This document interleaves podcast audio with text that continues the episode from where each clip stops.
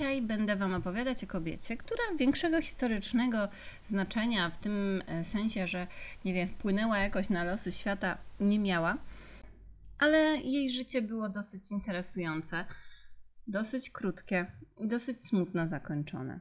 Na dodatek e, jej córka była także postacią bardzo interesującą, wspomnę o niej, o niej na samym końcu. A na dodatek e, jej losy splotły się nie tylko z końcem monarchii w Polsce, ale także z rewolucją francuską. Także posłuchajmy. Naszą bohaterką dzisiaj jest Rosalia Lubomirska. Otóż kim była Rosalia? Urodziła się w Czarnobylu, w czarnobylskim pałacu. Na świat przyszła jako córka hrabiego Jana Mikołaja Chodkiewicza i Marii Ludwiki Rzewuskiej.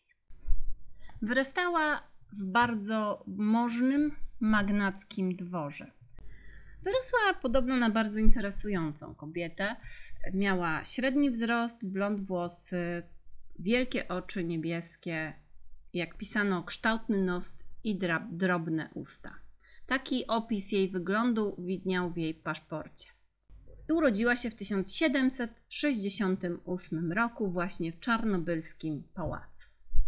Dorastała w tym świecie zasiedziałej magnaterii, przyzwyczajona była do wielkich luksusów, aż z tego świata na chwilę wyrwało ją małżeństwo. W 1785 roku, jako dziewczę nastoletnie, poślubiła kasztelana księcia Aleksandra Lubomirskiego. Aleksander Lubomirski e, mieszkał sobie na prowincji polskiej i ta polska prowincja w porównaniu z jej bogatym życiem magnackim u rodziców wydała jej się szalenie nudna. Udała się zatem do Warszawy. Warszawa epoce libertynizmu, o której wielokrotnie już wspominałam, bo jest to bardzo ciekawy okres, była oczywiście miejscem bardzo rozrywkowym, a że e, nasza Rozalka była osobą śliczną, dowcipną, arystokratką, znakomicie wykształconą, to kręgi stołeczne bardzo jej odpowiadały i przyjął ją za otwartymi ramionami, a ona szybciutko rzuciła się w wir tego bardzo rozrywkowego na każdym, podkreślam, na każdym poziomie życia. Dopasowała się do tego libertyńskiego wielkiego miasta i pisano o niej, że podczas Sejmu Wielkiego trzy najpiękniejsze kobiety Warszawy Kossakowska, Rozalia Lubomirska i Julia Potocka dobijały się o względy i serce księcia Józefa Poniatowskiego. Tak pisano i nasza Rozalia się tam w tej narracji jako jedna z trzech najpiękniejszych kobiet Warszawy pojawia. Oczywiście, e, trzy najpiękniejsze kobiety Warszawy to się tam regularnie zmieniały, ale na pewnym etapie nasza Rozalka była aż tak zauważona w tej socjecie warszawskiej. Przypominam, jest to XVIII wiek. Mąż został na prowincji, kiedy jego młodziutka żona e, balowała w Warszawie i do jego dworu zaczęły docierać bardzo pikantne plotki na temat po, poczyniań jego małżonki. Postanowił więc ją z tego środowiska dosyć według niego dla niej niezdrowego wyrwać. A jak to mógł zrobić? Otóż 1789 roku, latem, wyobraźmy sobie, prawdopodobnie był to piękny, ciepły e, okres, i małżonkowie wyjechali do Paryża gdzie lubomirscy mieli bardzo wiele znajomych. Zatrzymali się zatem także u księżnej Izabeli Lubomirskiej, krewnej małżonka naszej Rozalki. A była to osoba nie byle jaka, ponieważ rezydowała w jednym ze skrzydeł Palais Royal. Jeśli ktoś z Was był w Paryżu, to wie, jakież to jest prestiżowe miejsce. I tam, w tym Palais Royal, nasza Rosalia powiła pierwszą córkę, jedyną swoje, swoją córkę, jedyne swoje dziecko, Aleksandrę. Wygląda bajecznie. Oto Rosalia z małżonkiem w Paryżu rodzi swoje dziecko, wszystko wygląda słodko i pięknie, ale mąż się rychło zorientował, że wepchnął żonę z deszczu pod rynnę, bo Paryż przecież nie ustępował Warszawie, jeśli chodzi o uciechy ciała i ducha. Rosalia Lubomirska zaprzyjaźniła się z hrabiną Dubary, która była metresą Ludwika XV, o której nagram osobny podcast. I oczywiście także z księżną Marią Luizą, która była z kolei przyjaciółką królowej Marii Antoninie. No jednym słowem, Rosalia wpadła w najbardziej e, bliskie dworowi królewskiemu kręgi. Nie musiała o to nawet za bardzo zabiegać, bo była, no, miała dobre znajomości dzięki temu, że lubomirscy byli wtedy dosyć blisko królewskiego francuskiego dworu. No i była oczywiście piękną gwiazdeczką wersalskiego pałacu. Jej małżonek, biedny pan hrabia, no nie bardzo mógł cokolwiek zrobić, bo furiatem to on specjalnym nie był, mógł sobie najwyżej potupać. Więc wyjechał, by zaszyć się w, w Przeworsku, gdzie miał swoje dobra i nasłuchiwać, co tam też jego małżonka w Paryżu wyprawia, a wyprawiała bardzo wiele. I jedyną metodą, by zmusić żonę, by wróciła do kraju, ponieważ nie chciała z nim wrócić do Przeworska, było no nie dawać jej więcej pieniędzy po prostu na rozrywki paryskie. Jak postanowił, tak zrobił. No i co? Rozalce skończyła się kasa na e, imprezy i sukienki, bo no, spłycam tu bardzo, ale prawdą jest taką, że była to młoda dziewczyna, która po prostu chciała się wyłącznie wyimprezować a francuskie przyjaciółki nie zamierzały jej utrzymywać, bo jednak to, było, to nie był tego typu układ. Zatem wiosną 1791 roku Rosalia wróciła do kraju, ale nie wróciła do męża, do Przeworska. Zatrzymała się oczywiście w Warszawie, bo nawet nie chciała słyszeć o powrocie do męża, który jej chyba w ogóle nie interesował, a małżonek także już miał dość i chyba niespecjalnie chciał, by ona do niego wracała. I w tym momencie właściwie o losach małżonka możemy zapomnieć, bo małżeństwo tutaj się już całkiem jego drogi rozchodzą. Po powrocie z Paryża Rosalia mm, rzuca się w wir warszawskiego życia i romansów, jakie były wtedy bardzo modne, jednym z jej kochanków był nawet Stanisław August Poniatowski, który bardzo sobie cenił panie, które yy, miały jak to ująć delikatnie, za sobą pewną paryską edukację w różnych dziedzinach.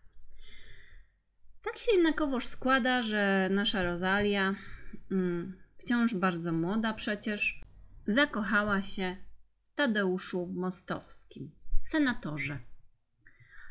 Senator był to bardzo młody, przystojny i majętny. I tak Tadeusz Mostowski razem z Rozalią Lubomirską w sierpniu 1792 roku, kiedy Rosalia ma 24 lata, a jego, jej córeczka ma lat 4, wyjeżdża do Paryża. Paryż jest już wtedy ogarnięty gorączką rewolucji.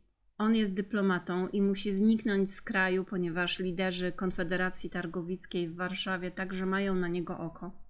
Zatem zarówno w Warszawie, jak i w Paryżu się kotłuje i magnateria, szlachta ma wtedy już trochę przerąbane. No były to bardzo takie czasy, y, kiedy czasy magnaterii w Europie się kończyły.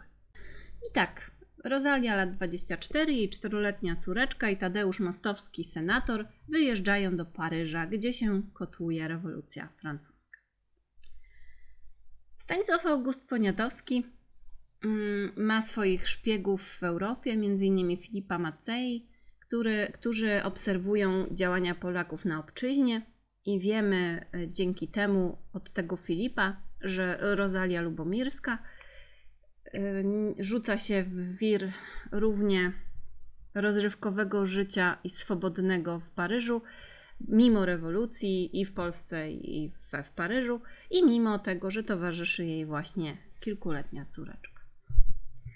E, nie, żeby była jasność, ja nie chcę Rozali w żaden sposób oceniać. Ja nie wiem, co się działo w jej głowie i jakie miała potrzeby, no ale faktem jest, że była bardzo lekkomyślna, biorąc pod uwagę zawieruchę dziejową zwłaszcza. Niestety, senator Mostowski, ukochany nowy Rozali, ściągnął na siebie wzrok radykałów w Paryżu. Paryż e, w Wielkiej Rewolucji był oczywiście niezbyt e, bezpiecznym miejscem dla arystokracji, a że Rosalia ze swojego poprzedniego pobytu w Paryżu miała znajomości z jakby niedobitkami dworu Marii Antoniny i wymieniała z nimi na dodatek listy, to również świadczyło na jej niekorzyść. Na jej niekorzyść świadczyło także to, że w tych listach bardzo nieostrożnie, no była naprawdę płochą, bardzo nieostrożną dziewczyną, pisała w tych listach bardzo pogardliwie o rewolucjonistach. I skończyło się to dla niej aresztowaniem we wrześniu 1793 roku i osadzeniem w więzieniu. Nieszczęśliwie, bo w tym samym więzieniu rok wcześniej plebs miejski zlinczował księżną za to tylko, że była przyjaciółką Marii Antoniny, a Rosalia z dworem Marii Antoniny była także zaprzyjaźniona. Zarzuty wobec Rozalii Lubomirskiej były takie, że bierze udział w spisku kontrrewolucyjnym, że ułatwia kontakty zagraniczne Marii Antoninie, która była wtedy uwięziona. I wraz z Rozalią do więzienia trafia także jej kilkuletnia córka. I teraz tak, ja szczerze wątpię. Ja szczerze wątpię, żeby Rosalia Lubomirska miała jakiekolwiek polityczne związki z kimkolwiek. Ona była po prostu lekkomyślna. I zależało jej wyłącznie na rozrywkach. Przynajmniej taka jest moja opinia. Absolutnie nic nie wskazuje na to, żeby ona faktycznie e, brała udział w jakichś tajnych akcjach.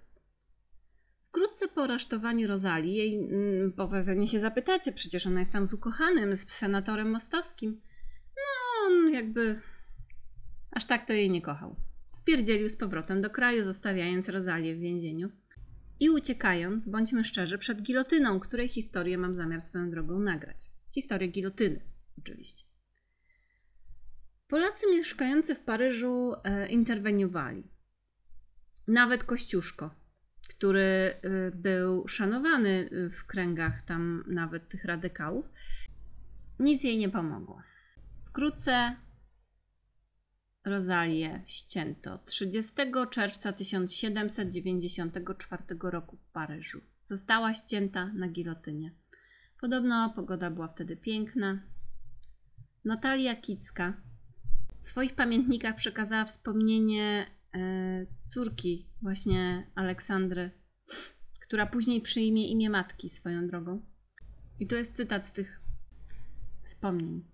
O ile pamięta, jak się drzwi więzienne rozwarły, matka powstawszy z barłogu, na którym leżała, wzięła ją na ręce, po schodach niosła, idąc za oprawcami przysłanymi przez Robespiera. W sieni więziennej podniosła ją nad głową, Wpatrzyła się w nią, uściskała płacząc, postawiła na ziemi i poszła na śmierć. Jest to bardzo smutne, dlatego że ta dziewczyna nie była niczemu winna. Mogła być płocha i głupiutka, ale nie była nikim ważnym, nikim, kto mógłby spiskować, nikim, kto zasługiwałby na śmierć. Legenda mówi, że gdy ostrze gilotyny spadało na szyję rozalki w dolnych pokojach e, pałacu w Młynowie otworzyły się naraz wszystkie drzwi. W pałacu w Młynowie mieszkała matka Rozali, Ludwika. I matka wstała wtedy z zabiórka, zaczęła iść przez rozwarte, jeszcze otwierające się podwoje i podobno ujrzała widmo córki z głową oddzieloną od tułowia. Jest to oczywiście wyłącznie legenda, bardzo smutna, podkreślająca żałosny los młodziutkiej Rozali.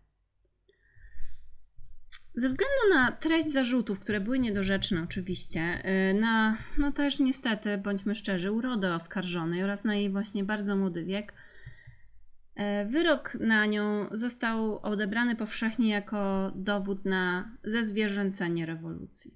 Myślę, że jest w tym trochę prawdy. Rozalka musiała stracić życie. Mm, nikt nie chciał słuchać jej mowy obrończej, co także było no, zaprzeczeniem wszelkich zasad której oczywiście wypierała się wszystkiego. Jeszcze smutniejsze jest to, że gdyby przetrwała nie, parę tygodni dosłownie, nie cały miesiąc, to upadłby Robespierre i byłaby bezpieczna. No i tak. Córka miała wtedy 6 lat, kiedy jej matkę stracono. Aleksandra przyjmie potem z imię matki, tak jak mówiłam, Rozalia podczas bierzmowania i zacznie go używać, ale Rozalię umieszczono w więziennym szpitalu, skąd wykupili ją wysłannicy jej ojca. I tutaj dopiero pojawia się ponownie małżonek Rozali. No ten potraktowany przez Rozalię, bądźmy szczerzy, no bardzo źle, tak. Mała Aleksandra była przerażona. Nie rozumiała prawdopodobnie za bardzo, co się wokół niej dzieje. Ale wysłannik tatusia sprowadził ją do kraju i te przeżycia prawdopodobnie no, odcisnęły na niej swoje piętno. Bo Rosalia Aleksandra, czyli córka naszej bohaterki, przez całe życie była przeciwniczką wszelkich rewolucji. Zawsze manifestowała przywiązanie do wielkich dynastii, no to możemy już różnie oceniać, zwłaszcza do Romanowów, to również możemy różnie oceniać. E, stąd też była też z pewną rezerwą traktowana przez no, Polskę. Córka e, Rozali poślubiła swego kuzyna w 1805 roku, Wacława Rzewuckiego. Wacław został emirem. Emirem Taj. Był postacią bardzo barwną, romantyczną, właściwie zasługującą na zupełnie osobny odcinek. Był też wszechstronnie utalentowany, był poetą, był malarzem, kompozytorem, był podróżnikiem i hodowcą koni arabskich, które sprowadzał ze wschodu. Bardzo egzotyczna postać. Wyjechał do Arabii, oczywiście, poznał tam pustynię, jej mieszkańców, pozyskał zaufanie przywódców beduińskich szczepów, nosił wschodni strój, przybrał arabskie imię, tak jak mówiłam. Jego osta- postać, właśnie postać męża córeczki Rozali, tej córeczki wyciągniętej ze szpitala e, przy więzieniu w Paryżu, zainspirowała Mickiewiczowskiego Farysa. Możecie sobie tutaj wygooglać, ale Farys to jest taki poemat bardzo mało znany, y, gdzie, który jest na cześć właśnie emira Taj ul Fera y, ułożony. I y, nie omawia się go w szkołach, więc prawdopodobnie możecie o nim nie słyszeć, ale Mickiewicz tak poświęcił osobny poemat, który zawiera właśnie dużo nawiązań do arabskiego folkloru, yy, takie cechy bohaterów, trochę ty, baśni Tysiąca Jednej Nocy. Jest to bardzo barwna rzecz. Ja ją nawet dosyć polecam.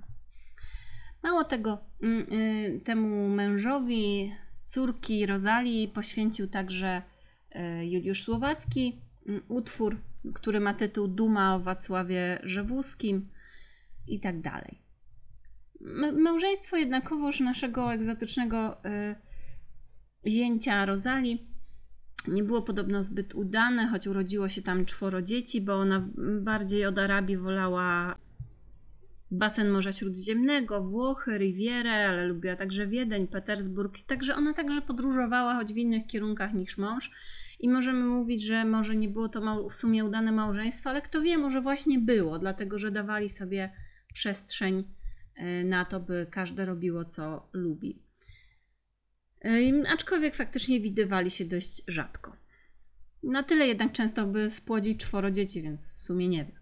Sam Żewuski zginął w 1831 roku e, w bitwie, ponieważ brał udział w powstaniu. Jego ciała nigdy nie znaleziono, co dało powód pewnej legendzie, że zaszył się na Bliskim Wschodzie i żyje gdzieś z Beduinami. Byłoby to w sumie całkiem super. E, Rosalia numer dwa, czyli córka naszej Rozali, bohaterki, e, również parała się trochę piórem. Opisała swoją podróż do Konstantynopola, pisała całe życie pamiętniki, które e, zostały wydane, zdaje się, tylko chyba raz w Rzymie w 1939 roku przez jej prawnuczkę zresztą.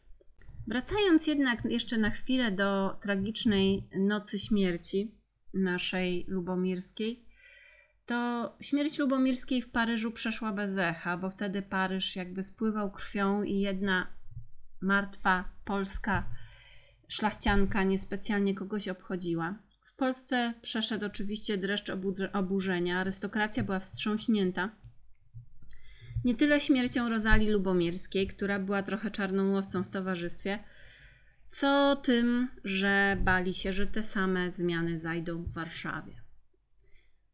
No po prostu dupa im się paliła, tak? Gdybyście kiedyś byli na przykład w Rozalinie, który powstał dzięki córce Rozali Lubomirskiej, właśnie Aleksandrze, która przyjęła także imię matki, to ona doprowadziła do tego, by ta wioska stała się poświęcona pamięci jej matki. Jest tam także teraz dwór. Nie jest to być może bardzo znaczące miejsce w Polsce, ale gdybyście na nie trafili, to będziecie przynajmniej wiedzieli, od kogo pochodzi jego nazwa. I to tyle na dzisiaj. To były losy jednej, choć właściwie tak naprawdę dwóch dosyć niezwykłych mm, kobiet. Ich największym nieszczęściem było Rozali jednej i Rozali drugiej, że żyły w bardzo ciekawych czasach. Mam nadzieję, że Wam się ta opowieść podobała. Do usłyszenia.